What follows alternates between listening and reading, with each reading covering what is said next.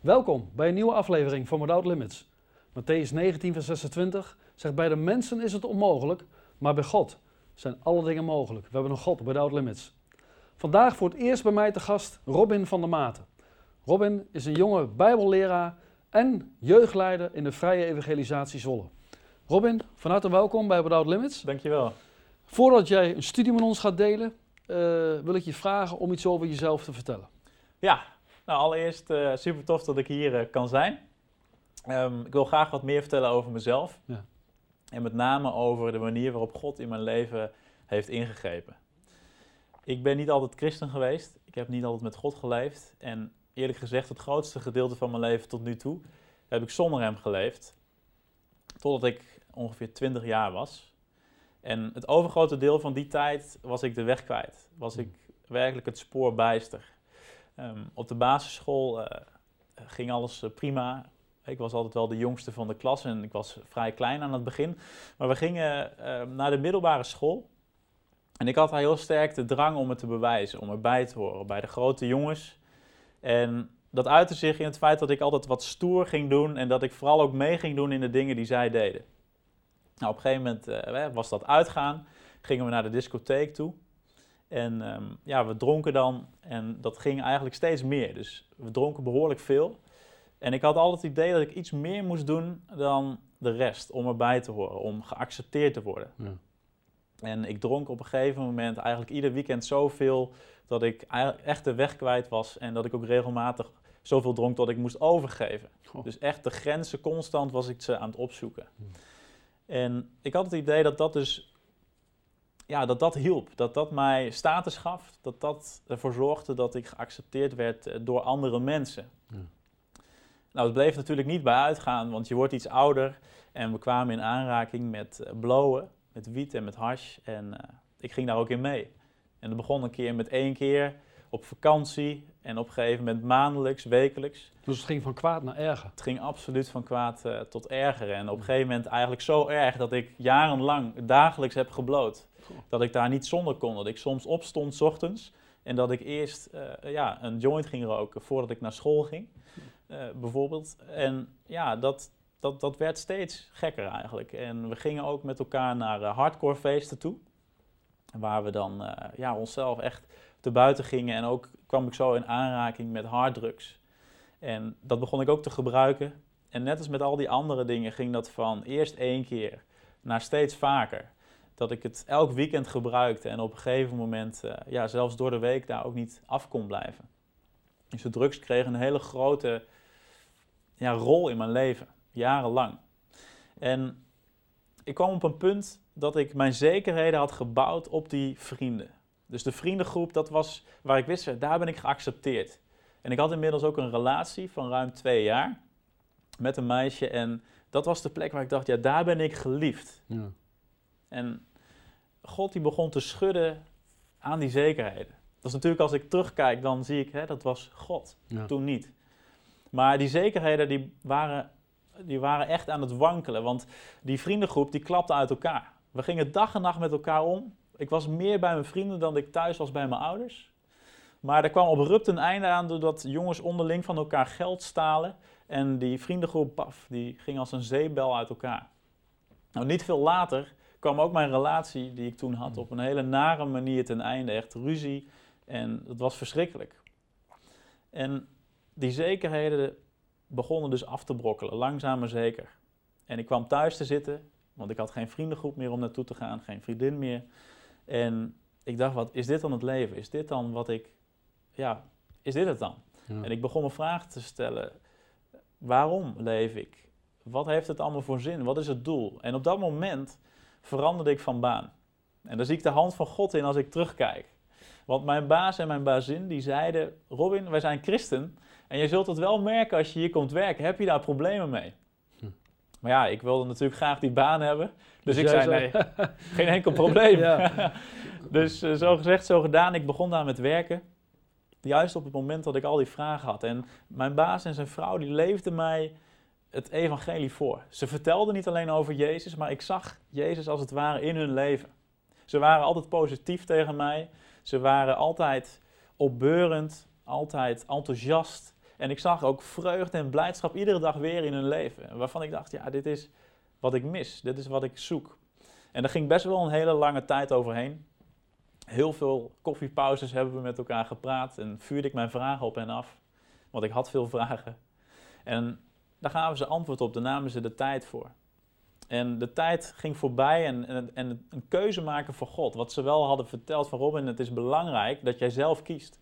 Dat had ik eigenlijk voor me uitgeschoven.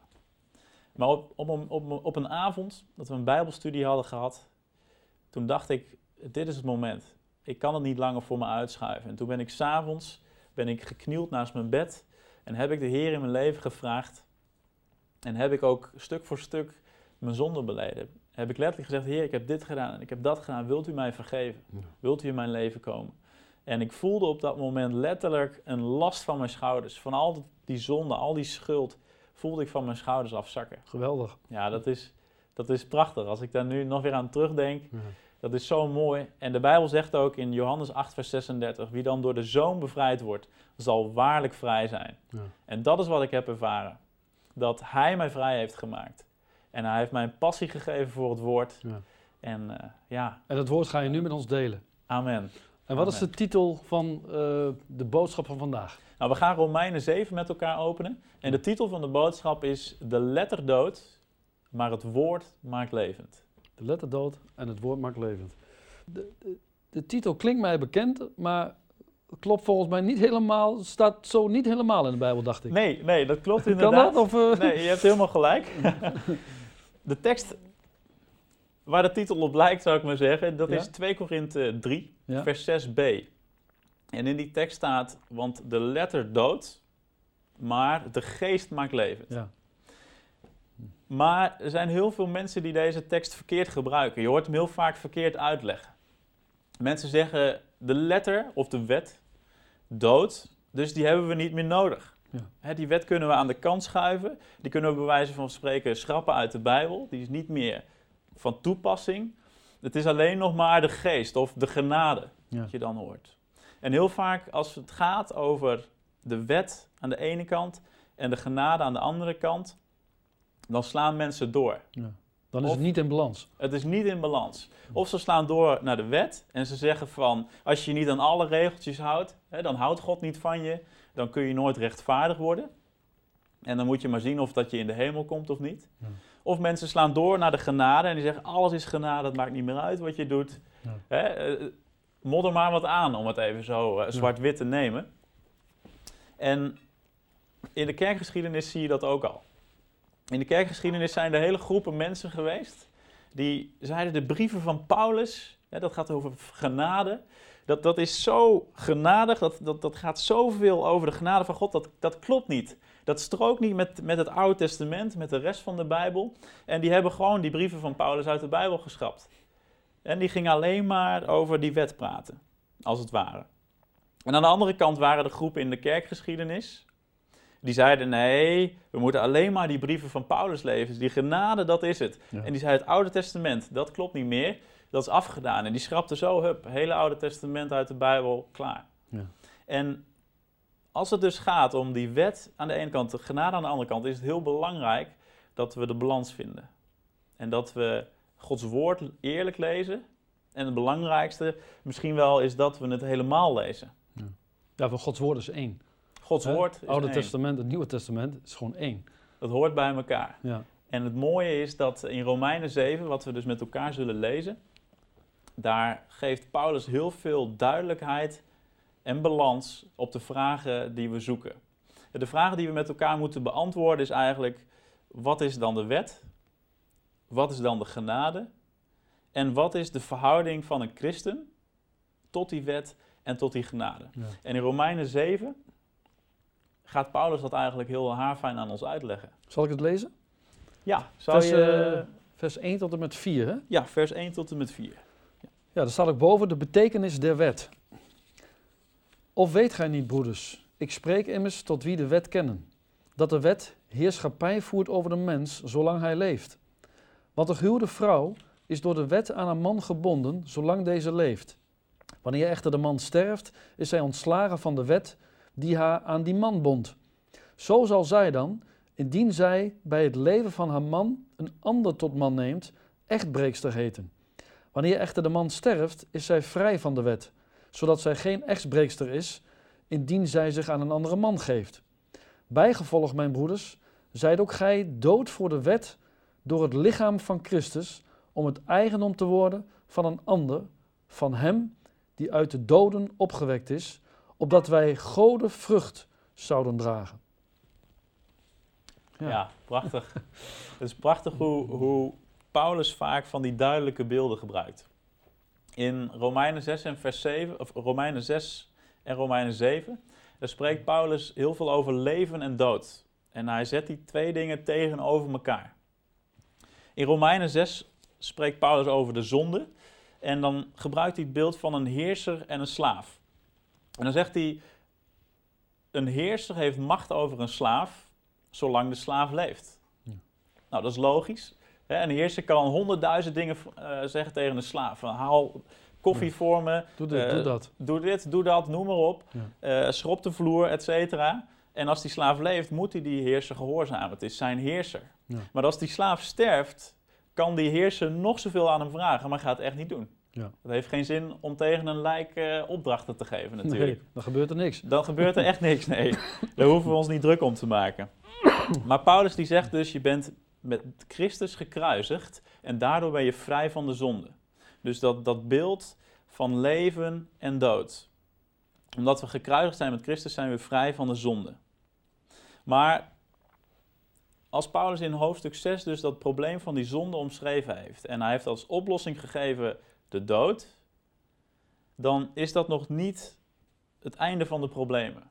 Want in Romeinen 7, eh, je hebt het gelezen net, de eerste vier versen, daar gaat Paulus een ander probleem aansnijden. En hij begint over de wet.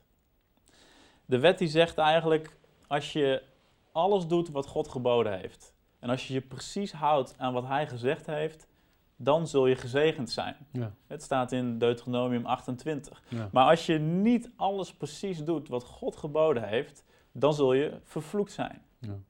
Dus de wet die stelt een eis en die verbindt daaraan zegen of vloek. Maar wat merken we als mensen? Dat we die wet niet kunnen houden. Ja. We merken steeds weer hoe goed we ons best ook doen, dat we fouten maken. We kunnen soms heel lang goed doen, maar toch de hele wet houden, dat lukt ons niet. En de Bijbel zegt ook van als we één gebod overtreden hebben, hebben ze allemaal overtreden. Precies, precies. En wie kan er nou zeggen dat hij nog nooit één wet van God overtreden heeft? Ja, niemand. Dat kan niemand zeggen. Dus een probleem hebben we. Wat moeten we daarmee? Een wet die we niet kunnen houden. En dat is wel degelijk wat die tekst die we in het begin lazen, 2 Korinthe 3 zegt. De letter dood. De wet dood. We merken dat de wet een eis stelt waaraan we niet kunnen voldoen. Hm. We kunnen het niet volledig volbrengen, die wet. En dus merken we dat we zondaar zijn. Merken we dat, de dood, dat we de dood verdienen. Want de het loon van de zonde is de dood, zegt de Bijbel. Ja. En wat voor een probleem hebben we dan? Een wet die we niet kunnen houden. Dus naast de zonde is er nog een probleem, de wet. En Paulus die gaat uitleggen hoe dat nou zit. En hij praat over een huwelijk. Eh, de illustratie die hij gebruikt in de eerste vier versen die je net hebt gelezen, daar is één vrouw en twee mannen. En die vrouw die heeft een gigantisch probleem. Die vrouw die kan namelijk maar de vrouw zijn van één man. Ja. Dat is logisch, dat weten we. Maar het probleem van die vrouw is dat zij getrouwd is met een minst prettige man. het is niet zo dat die man verkeerd is. Die man is prima. Maar ze passen niet bij elkaar, die man en die vrouw. Die man die is heel strikt, die man die is heel punctueel. En die vrouw laat het allemaal een beetje versloffen. Die man is heel veel eisend, maar die vrouw heeft zoiets van, ah ja, ik zie wel hoe het allemaal uitkomt. En die vrouw die zit met een probleem, want die is getrouwd met die minst prettige man. Nou, die man die eist een heleboel van haar.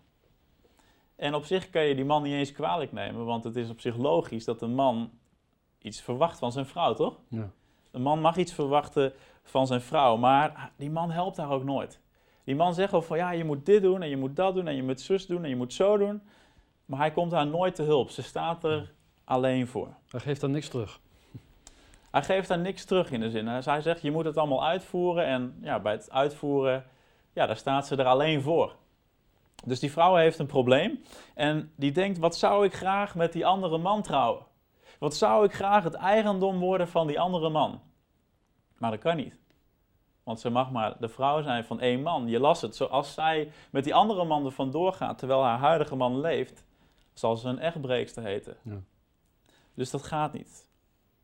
En Paulus die, die, zegt deze, of die vertelt ons deze illustratie, omdat hij ons iets duidelijk wil maken over de wet. Boven de tekst stond ook de betekenis van de wet. Nou, Paulus gebruikt deze illustratie van het huwelijk. En de ene man is de wet. De andere man is Christus. En de vrouw, dat zijn wij. Ja. De wet die stelt ons een heleboel eisen. Die zegt, doe dit, doe dat, doe zus, doe zo en je zult leven. Maar vervolgens laat de wet ons alleen, laat de wet ons in de steek als we het moeten uitvoeren. De wet komt ons niet te hulp, wij moeten het zelf doen. Doe dit en je zult leven. Dus het gaat niet. Christus stelt ons ook eisen. Jezus eist ook dingen van ons. Lees maar in Matthäus 5. Maar Jezus komt ons te hulp. Ja. Dus het is geen wonder dat die vrouw het eigendom wil worden van die andere man. Ze denkt, als ik het eigendom word van die andere man, dan komt het allemaal wel goed. Hij gaat mij helpen. Hij laat mij niet in de steek. Hij laat mij niet alleen. Maar de enige oplossing is de dood. De enige oplossing voor deze vrouw is de dood van haar eerste man. Maar hoe kan het dan, hè? Want, want de wet is niet doodgegaan. Nee, de wet is niet doodgegaan. In Matthäus 5, vers 18, daar staat ook: Voordat de hemel en de aarde vergaat, zal er niet één jota of één titel vergaan van de wet. Ja. Dus het is niet de wet die is gestorven. Dat zou niet kunnen. Het probleem is niet de wet, maar wij zijn het probleem. De wet stelt in principe rechtvaardige eisen, heilige eisen. Maar wij kunnen niet aan haar voldoen. Dat is het, dat is het probleem. Want de Bijbel zegt ook ergens, hè, de wet is goed. De wet is goed ja. en heilig, dat zegt Paulus zelf. En Gods woord maakt levend. Dat ervaren we als we het lezen. Of het nou uit de wet is, of dat het uit het Nieuwe Testament is. Het woord van God maakt levend. En de Bijbel zegt ook ergens, volgens mij in Romeinen 10, dat wie de gerechtigheid naar de wet doet, zal daardoor leven. Dus met andere woorden, als wij de hele wet zouden houden, dan zou dat ons tot het leven leiden. Maar ons probleem is, en dat ervaren we zelf, dat we die wet niet kunnen houden. We kunnen haar niet volledig voldoen. Dus niet de wet is gestorven. De wet is niet gestorven, dat kan niet. De wet is goed. Maar hoe kan dan die ongelukkige vrouw toch de vrouw worden van die andere man? Ja. Dat is de grote vraag. Nou, Paulus geeft de oplossing in vers 4. En wat je daar hebt gelezen is, bij gevolg, mijn broeders, zij het ook gij dood voor de wet, door het lichaam van Christus. Dus niet de wet is dood, maar wij zijn dood. Zoals in Romeinen 6 dat probleem van de zonde, waar ik eerder al even over sprak, werd opgelost door de dood, wordt ook ons probleem met de wet opgelost door onze dood. Maar waarom zegt Paulus dat niet? Hè? Want die illustratie, die, die klopt dan eigenlijk niet. Nee, in zekere zin, als je het één op één eh, naast elkaar ligt, klopt de illustratie van Paulus niet. Hij zei namelijk, als de man sterft, dan zal zij vrij zijn om met die andere man te trouwen. Hmm. Met andere woorden, als Paulus het één op één door zou trekken, die illustratie, dan had hij moeten zeggen, als de wet sterft, is de vrouw vrij om met Christus te trouwen. Maar hij zegt het niet. En het is goed dat je vraagt waarom niet, want, want waarom niet? Ja. Waarom, stelt hij, waarom zegt hij dat niet gewoon? Nou, ik geloof dat daar een reden voor is. Want als Paulus dat gewoon wilde zeggen, als die wet gestorven was en dat we daardoor vrij waren, dan had hij dat gedaan. Dan had hij geen twijfel laten bestaan. Dan had hij gewoon duidelijk gezegd, de wet sterft. En toch zegt hij dat niet. En ik geloof dat hij dat niet zegt, omdat het niet zo is. Omdat de wet niet is gestorven. Omdat de wet niet heeft afgedaan. Maar omdat wij sterven en dat we op die manier vrij worden van de wet. En daardoor blijft ook overeind wat, wat Paulus zegt. Dat we wel degelijk vrij worden van de wet als wij sterven. Mhm. Want in het huwelijk is het zo, als één van de beide partijen sterft, zijn beide partijen vrij van de wet. Als nou de man sterft of als de vrouw sterft, dat maakt eigenlijk niet uit. Ja. Dus de illustratie van Paulus klopt wel. En het feit dat hij niet één op één die illustratie overneemt hè, in onze verhouding tot de wet, is volgens mij een heel duidelijk teken dat niet de wet gestorven is. Dat we dus ook niet kunnen zeggen, ja, die wet, dat, dat is niet meer belangrijk. Ja. Hè, die wet die kunnen we aan de kant schuiven of, of schrappen uit de Bijbel. Nee, ik denk dat Paulus heel helder is en dat hij heel goed heeft nagedacht over hoe hij deze tekst eh, heeft genoteerd. Ja. Dus we zijn toch vrij van de wet. Niet door de dood van de wet, maar door onze dood. Zijn wij werkelijk vrij. Vrij van de wet. En we zijn vrij, om het nog iets beter uit te drukken, we zijn vrij van de veroordeling van de wet. We zijn vrij van de dreiging die van de wet uitgaat. Want de wet zei, als je niet alles doet Ja. wat, wat in die wet staat, dan zul je vervloekt zijn. Ja, dus dat, dat legt een enorme druk op je eigenlijk. Dat- ja, het legt een druk op je en het veroordeelt je. Ja. En het, er gaat dan ook een dreiging van uit, want, want als je niet die wet houdt, dan ben je vervloekt. Dus dat is een verschrikkelijk vooruitzicht. Ja. En niemand kon die wet houden, dus, dus, dus ja, een onmetelijk probleem waar wij allemaal voor stonden, was die wet. Maar we zijn vrij geworden van de wet door onze dood. Dat is wat Paulus hier duidelijk maakt. Maar hoe, kunnen wij nu gestorven zijn terwijl we nog duidelijk leven? Ja, dat is een goede vraag. Ja, want, want hè, Paulus spreekt over het sterven met Christus. Maar wij zijn allemaal nog levend. We zijn springlevend, anders konden we hier niet met elkaar praten. Ja. Dus hoe zit dat nou? Nou, het is een groot wonder. Laat ik daarmee beginnen. Het is een groot wonder dat wij gestorven zijn terwijl we nog springlevend zijn. En het antwoord op die vraag, dat zit het hem in onze eenwording met Christus en het plaatsvervangend sterven van Hem. Aan het kruis is Christus tot zonde gemaakt. Staat in de Bijbel. Hij heeft daar onze zonde gedragen. En God heeft als het ware die oude schepping waar wij toe behoorden, die oude schepping die niet kon voldoen aan zijn wet, aan zijn heilige en rechtvaardige eisen, die oude schepping heeft hij veroordeeld aan het kruis. En dat oordeel heb jij niet hoeven dragen, heb ik niet hoeven dragen, maar dat oordeel hebben de, heeft Christus aan het kruis Ja. op zich genomen. Hij is daar voor ons tot zonde gemaakt. En door het geloof krijgen wij daar deel aan. En dat is ook wat Romeinen 7, vers 4 zegt. Daar stond, bij gevolg, mijn broeders, zijt ook gij dood voor de wet door het lichaam van Christus. Ja. Dus met andere woorden, door het sterven van Christus zijn wij dood in zijn dood voor de wet. Maar dat is niet het mooiste. Dat is nog niet het mooiste, want het mooiste is niet dat we dood zijn voor de zonde, Romeinen 6. Het mooiste is niet dat we dood zijn voor de wet, Romeinen 7.